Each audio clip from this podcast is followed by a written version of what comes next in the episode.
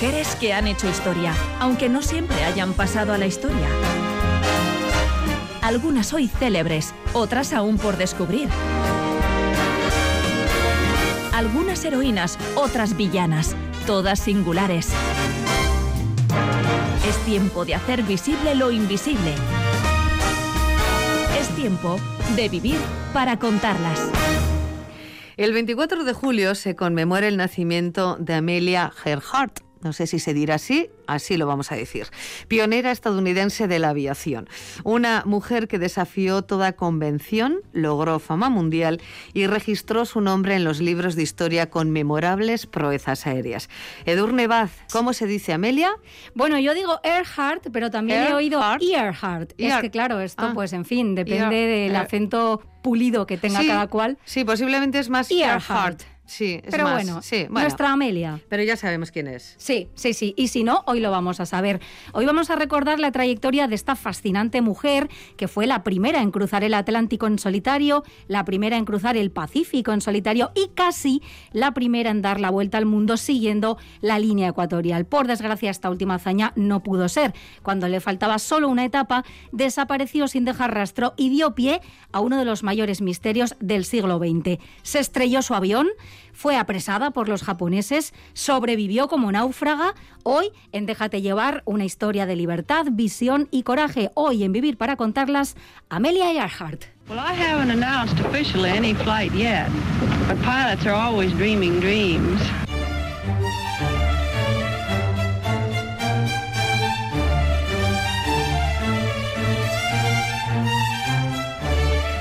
Amelia Mary Earhart nació en Kansas el 24 de julio de 1897. Desde muy temprano dio muestras de un carácter tremendamente curioso y de una personalidad intrépida y soñadora. En sus propias memorias, que llevaron por título Por el placer de hacerlo, ella misma recordaba, por desgracia, crecí en una época en la que se esperaba que las niñas se comportaran como niñas, pero ella no era una de aquellas niñas sujetas a la convención.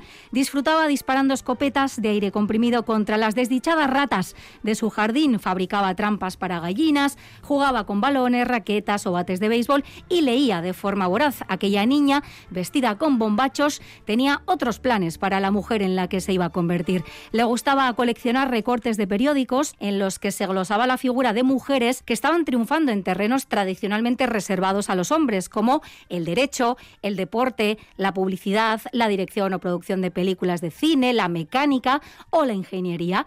A los 10 años asistió a una feria estatal en la que vio por primera vez un aeroplano y resultaría épico afirmar que fue entonces cuando supo que quería volar, pero en realidad aquel aparato no le pareció en aquel momento y según sus propias palabras más que una cosa hecha de cables oxidados y madera. Nada interesante.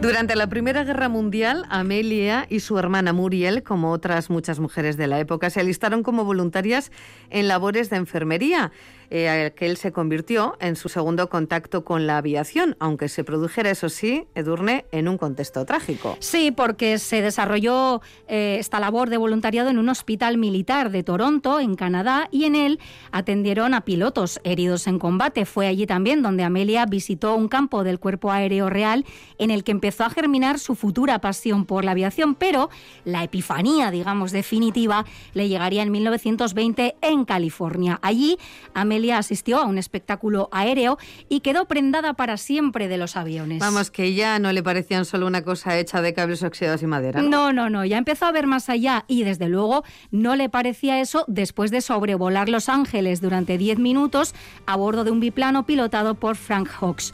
Ella misma afirmó después, cuando ascendí hasta los 70 o 90 metros, supe que tendría que volar o, como a ella le gustaba decir, vagabundear por el aire. Y con su objetivo claro, Amelia se puso manos a la obra, trabajó como telefonista, fotógrafa o mecanógrafa para pagarse las clases de vuelo impartidas en este caso por otra pionera de la aviación, por Neta Snook, que fue la primera mujer en tener su propio negocio de aviación. Y con lo que restaba de sus ahorros, Amelia se compró un aeroplano de segunda mano que era amarillo chillón, al que bautizó como el Canario. Con él, su sufrió sus primeros percances mientras aprendía, pero con él también empezó a establecer sus primeros hitos personales. El 22 de octubre de 1922 batió su primer récord femenino al elevarse a una altitud de 14.000 pies, algo más de 4 kilómetros. En 1923 obtuvo la licencia de piloto de la Federación Aeronáutica Internacional y era la decimosexta mujer que la recibía en todo el mundo. Iba ya marcando también hitos personales, como decimos, en 1927 se unió a la Aeronáutica Nacional y ya empezaba entonces a ser conocida en la sociedad del momento y a partir de ese momento también ella aprovecharía siempre cualquier oportunidad y su creciente popularidad para promover la aviación y además la aviación comercial y para defender la incorporación de las mujeres a este nuevo campo profesional. En abril de 1928, cuando estaba trabajando como asistenta social, Amelia recibió una llamada que le iba a cambiar la vida.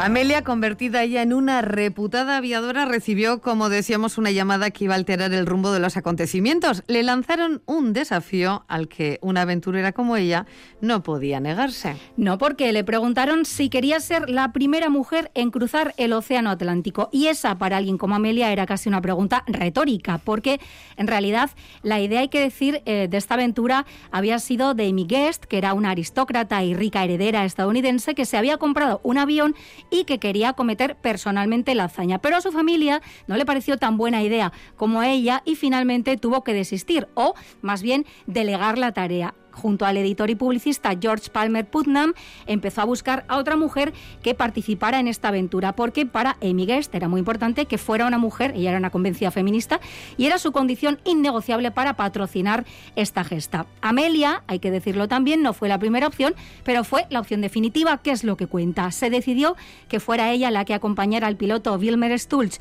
y al copiloto y mecánico Louis Gordon, y no iba a ser de momento la primera mujer en cruzar sola el Atlántico, pero le ilusionaba la idea, a pesar de que era muy consciente de que su presencia era poco más que un reclamo de cara a la prensa, que iba a viajar, como ella misma dijo después, como el equipaje o como un saco de patatas. Pero bueno, ese recién constituido equipo partió el 17 de junio de 1928 desde Terranova a bordo de un avión que bautizaron como Friendship, o sea, amistad, y 21 horas después aterrizaban sanos y salvos en Barryport, en Gales, y Amelia se convertía en la primera mujer que cruzaba el Atlántico, aunque fuera como mera acompañante. Tanto en Londres como a su regreso a Estados Unidos fueron recibidos como auténticos héroes, casi como estrellas de cine, con desfile triunfal, recepción en la Casa Blanca a cargo del presidente Calvin Coolidge incluidos. Y ella fue aclamada como la reina de los cielos o la dama del aire, mientras que sus compañeros quedaban en un segundo plano. Hay que decir que ella insistió mucho en que el mérito había sido de los pilotos y que ella solo era una acompañante, pero la prensa pues oye, solo tenía ojos para aquella joven aviadora, rubia, alta, atractiva, de aire andrógino y que además guardaba un curioso parecido con el también célebre aviador y además héroe nacional, que era Charles Lindbergh, razón por la que ella fue apodada Lady Lindy. Y no obstante, es justo apuntar que una cosa era la atención mediática y otra la igualdad de oportunidades o la equiparación salarial, porque sus compañeros, Stulz y Gordon, se embolsaron unos cuantos miles de dólares por esta hazaña, mientras que ella no recibió nada más allá de la atención de la prensa, ¿no? Y a este respecto Amelia también iba a decir más tarde, muchas mujeres no ganan tanto como los hombres, especialmente en los aeropuertos, pero los precios de las clases de vuelo son los mismos para todos. La señorita Amelia Earhart, ¿por qué quiere usted volar? Quiero ser libre.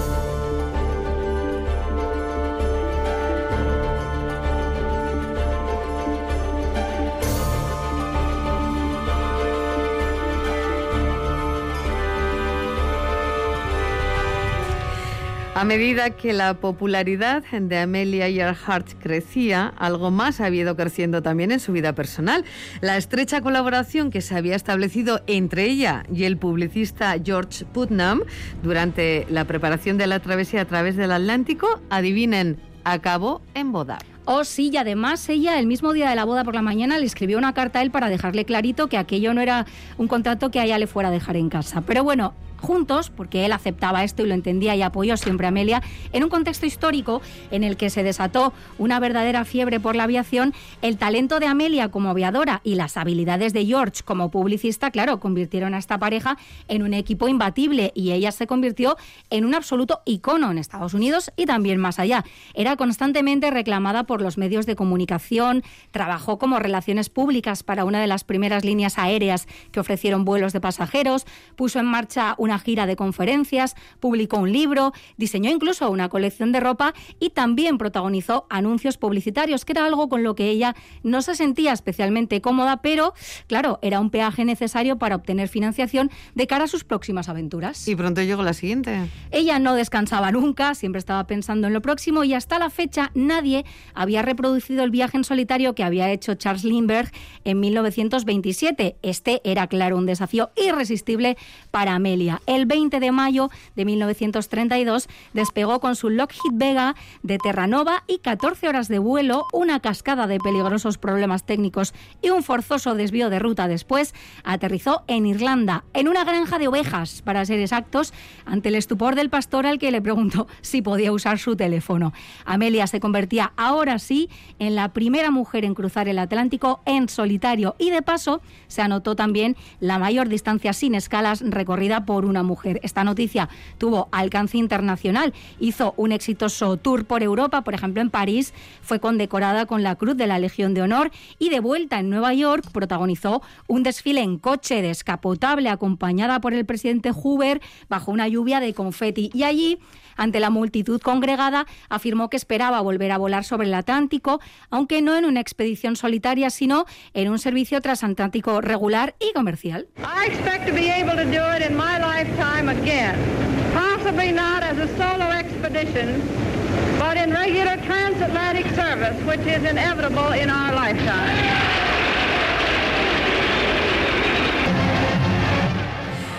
Amelia vivía su gran momento. El presidente Hoover la condecoró con una medalla dorada especial de la National Geographic Society. Recibió las llaves de varias ciudades. Fue elegida Mujer del Año. El Congreso también la, la condecoró. Eh, en fin, eh, la primera condecoración eh, a una mujer. Pero ella lo que le molaba era volar. Por supuesto, y en 1934 compartió con su marido sus próximos planes. Su aventura sería un vuelo a través del Pacífico. Partió de Honolulu el 11 de enero de 1935 y 18 horas después aterrizó en Oakland, en California.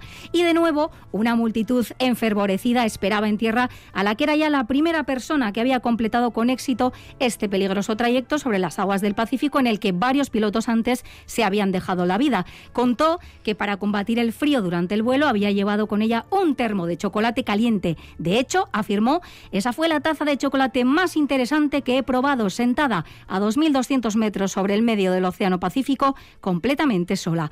Volvió a recibir la felicitación personal del presidente, en esta ocasión ya Franklin Delano Roosevelt, pero, como ya vamos intuyendo, Amelia no tardó mucho en diseñar otro desafío mucho mayor que los anteriores. Voy a dar la vuelta al mundo. Eso no puede ser. Cambiemos las reglas. Si usted lo consigue, será la primera.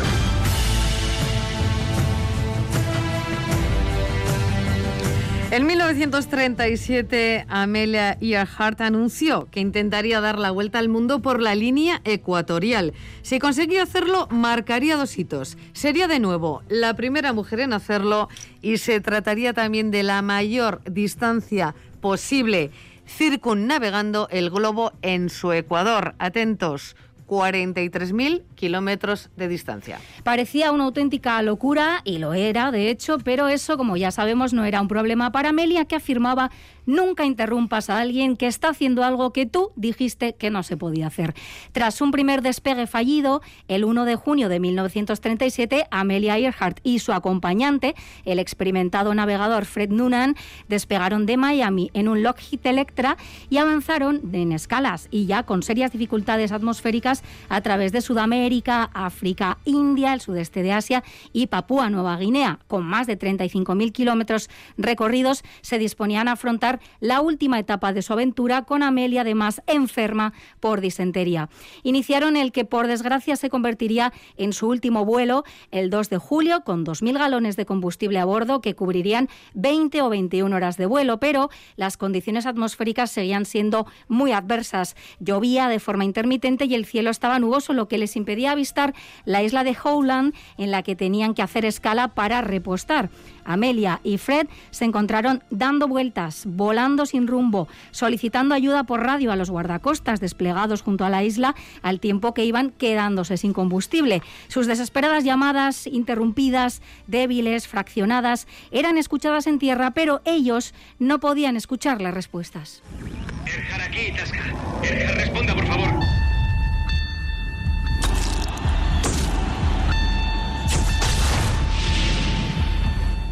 En una de sus últimas comunicaciones, Amelia afirmó, debemos estar encima de ustedes, pero no los vemos. El combustible se está agotando. Bueno, y a partir de ese momento, de hecho, se les perdió el rastro para siempre. El gobierno de Estados Unidos puso en marcha una de las mayores operaciones de búsqueda de la historia naval, Edurne. Sí, se invirtieron más de 4 millones de dólares en aviones, barcos y efectivos humanos, pero ante los infructuosos resultados se canceló la operación. El marido de Amelia intentó seguir, hizo lo posible por buscar financiación privada, pero fue en vano. Se ve, había perdido ya toda esperanza de dar con los dos tripulantes del aeroplano y desde entonces han sido una docena las expediciones que se han organizado para dar con sus restos o con los restos del avión. Las encabeza, por cierto, la misma persona persona que encontró los restos del Titanic, que es el oceanógrafo Robert Ballard. Y bueno, pues ahí siguen en ello. Bueno, que las teorías de lo más variopinto, pero no solo a ella. O sea, es un poquito eh, a, mucha gente, que si Elvis, que si, eh, bueno, en fin, tanta Deben gente. estar ¿no? todos en el mismo sitio. Eh, sí, supongo que durmiendo el sueño de los justos. Pues sí, hay muchísimas teorías, algunas verdaderamente delirantes y otras, bueno, más plausibles, ¿no? Entre las más populares, cabría destacar tres, que fueron apresados por los japoneses es que el avión se estrelló en el mar y se hundió con sus dos pasajeros dentro, o que Amelia logró aterrizar o amerizar en una isla o cerca de alguna y los dos compañeros de vuelo sobrevivieron como náufragos. Esta parece ser la teoría de mayor peso en la actualidad y la que sigue alimentando las continuas expediciones a la isla en la que se cree que pudieron morir. Nikumaroro, un atolón en mitad del Pacífico en el que sin comida ni agua potable no hubieran podido aguantar más allá de unos cuantos días. En 1940, un oficial colonial británico encontró en este atolón, en Nikumaroro, 13 huesos humanos junto a una fogata. Un antropólogo forense determinó entonces que eran huesos de hombre y que por lo tanto no podían ser los restos de Amelia Earhart. Así quedó la cosa y para colmo de males, los huesos en cuestión desaparecieron durante la Segunda Guerra Mundial, pero por suerte sí se conservaron los registros con la descripción de esos restos y con las mediciones que se hicieron de ellos. Y en 2018, Richard Jantz, que es un profesor emérito de antropología forense de la Universidad de Tennessee y colaborador del Grupo Internacional para la Recuperación de Aviones Históricos, que es más conocido por sus siglas en inglés, TIGAR, publicó un estudio científico que reexaminaba aquellos restos óseos para concluir, atención, que eran compatibles con los de una mujer de la misma altura y origen étnico que Earhart. Otros indicios materiales hallados en esa misma isla se han ido sumando a esta teoría, ¿no? Como un zapato de hombre y otro de mujer, una crema facial para las pecas, Amelia era muy pecosa, una navaja, botones, una cremallera, placas de aluminio que suponen que podrían pertenecer a un avión y hasta una botella de benedictine, que era el licor favorito de Amelia, ¿no? Bueno, son numerosos indicios y no menos teorías, pero por desgracia, como no hay ADN porque esos huesos desaparecieron, no hay ninguna prueba concluyente.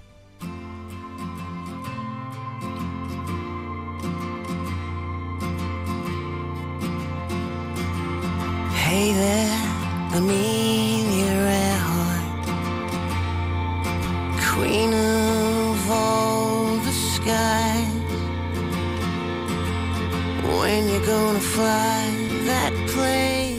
Ahí están las teorías eh, de todo tipo, conspiraciones varias, pero bueno, Amelia Earhart en cualquier caso tenía solo 39 años cuando desapareció sin dejar rastro y pocos más cabe pensar cuando murió porque en esas condiciones era difícil sobrevivir.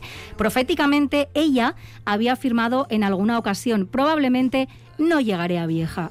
Suponemos que no se refería a 39 años precisamente, pero ella sabía que su actividad era de, riesgo, ¿no? Lo que no imaginó es lo lejos que iba a llegar su legado, ni que su desaparición se iba a convertir en uno de los enigmas más intrigantes de la historia reciente. De cualquier forma, eh, esta teoría de la isla eh, no me parece nada descabellada en comparación con las que circulan por ahí sobre Marilyn, sobre Elvis, sobre Jim Morrison, o sea, bueno, que... Bueno, las hay, ¿eh? Porque también algunos cuentan que fueron apresados por los japoneses, después fueron liberados, pero claro, para evitar un conflicto diplomático volvieron a Estados Unidos con identidades falsas o que Amelia luego ya estaba harta de la fama y de la notoriedad y al final volvió, pero nunca se contó. Bueno, las hay para todos los gustos. Incluso hay una foto en la que creían ver a Amelia sentada en un muelle ahí, en la zona de Japón. Y bueno, pues mira, y luego se vio que no era ella. En fin, hay para todos los gustos, pero las tres principales son estas. O que quería dejar a su marido y no sabía cómo y se montó toda esta historia. Hombre, seguro, seguro que está en la lista. Esa me la acabo de inventar yo, pero seguro que alguna mente calenturienta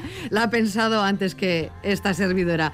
Bueno, Durnevad, como siempre, un placer. La de cosas que hemos aprendido de esta mujer a ver, hemos visto eh, y hemos leído cosas, hemos visto eh, la película, pero sí que es cierto eh, que con este detalle sobre su vida, su biografía, yo reconozco que no había escuchado nunca nada similar y además me apetece mucho leer a partir de ahora realmente, o sea, comprar el libro y leerme la biografía de, esta mujer porque me has puesto los dientes muy es largos. Es fascinante. Además, bueno, es la mujer piloto probablemente más famosa del mundo y de la historia, pero claro, nosotros siempre intentamos ir más allá, ¿no? A la, a la persona y conocer más allá que de sus hazañas también, bueno, cómo era, cómo sentía y cuáles eran sus objetivos, que en este caso estaban claros, ¿no? Que era un mujerón. Era un mujerón. Y para eso estamos aquí, para sacarlas, sacarlas a ellas, ¿eh? del baúl escondido de la historia que les ha tratado muy mal a ella y a otras tantas. Sí, ella sí que recibió reconocimiento en vida, que es algo que muchas no pueden decir, ¿no? Eso también es verdad. Bueno, pues eh, Edurne Baz, muchísimas gracias. La semana que viene más. Y siempre digo, dudo que mejor, pero la semana que viene más. Siempre hay que intentarlo y siempre lo preparamos todo con mucho cariño. Así que aquí estaremos hablando de otras cosas y de otras grandes mujeres. Gracias, Edurne. A ti, Agur.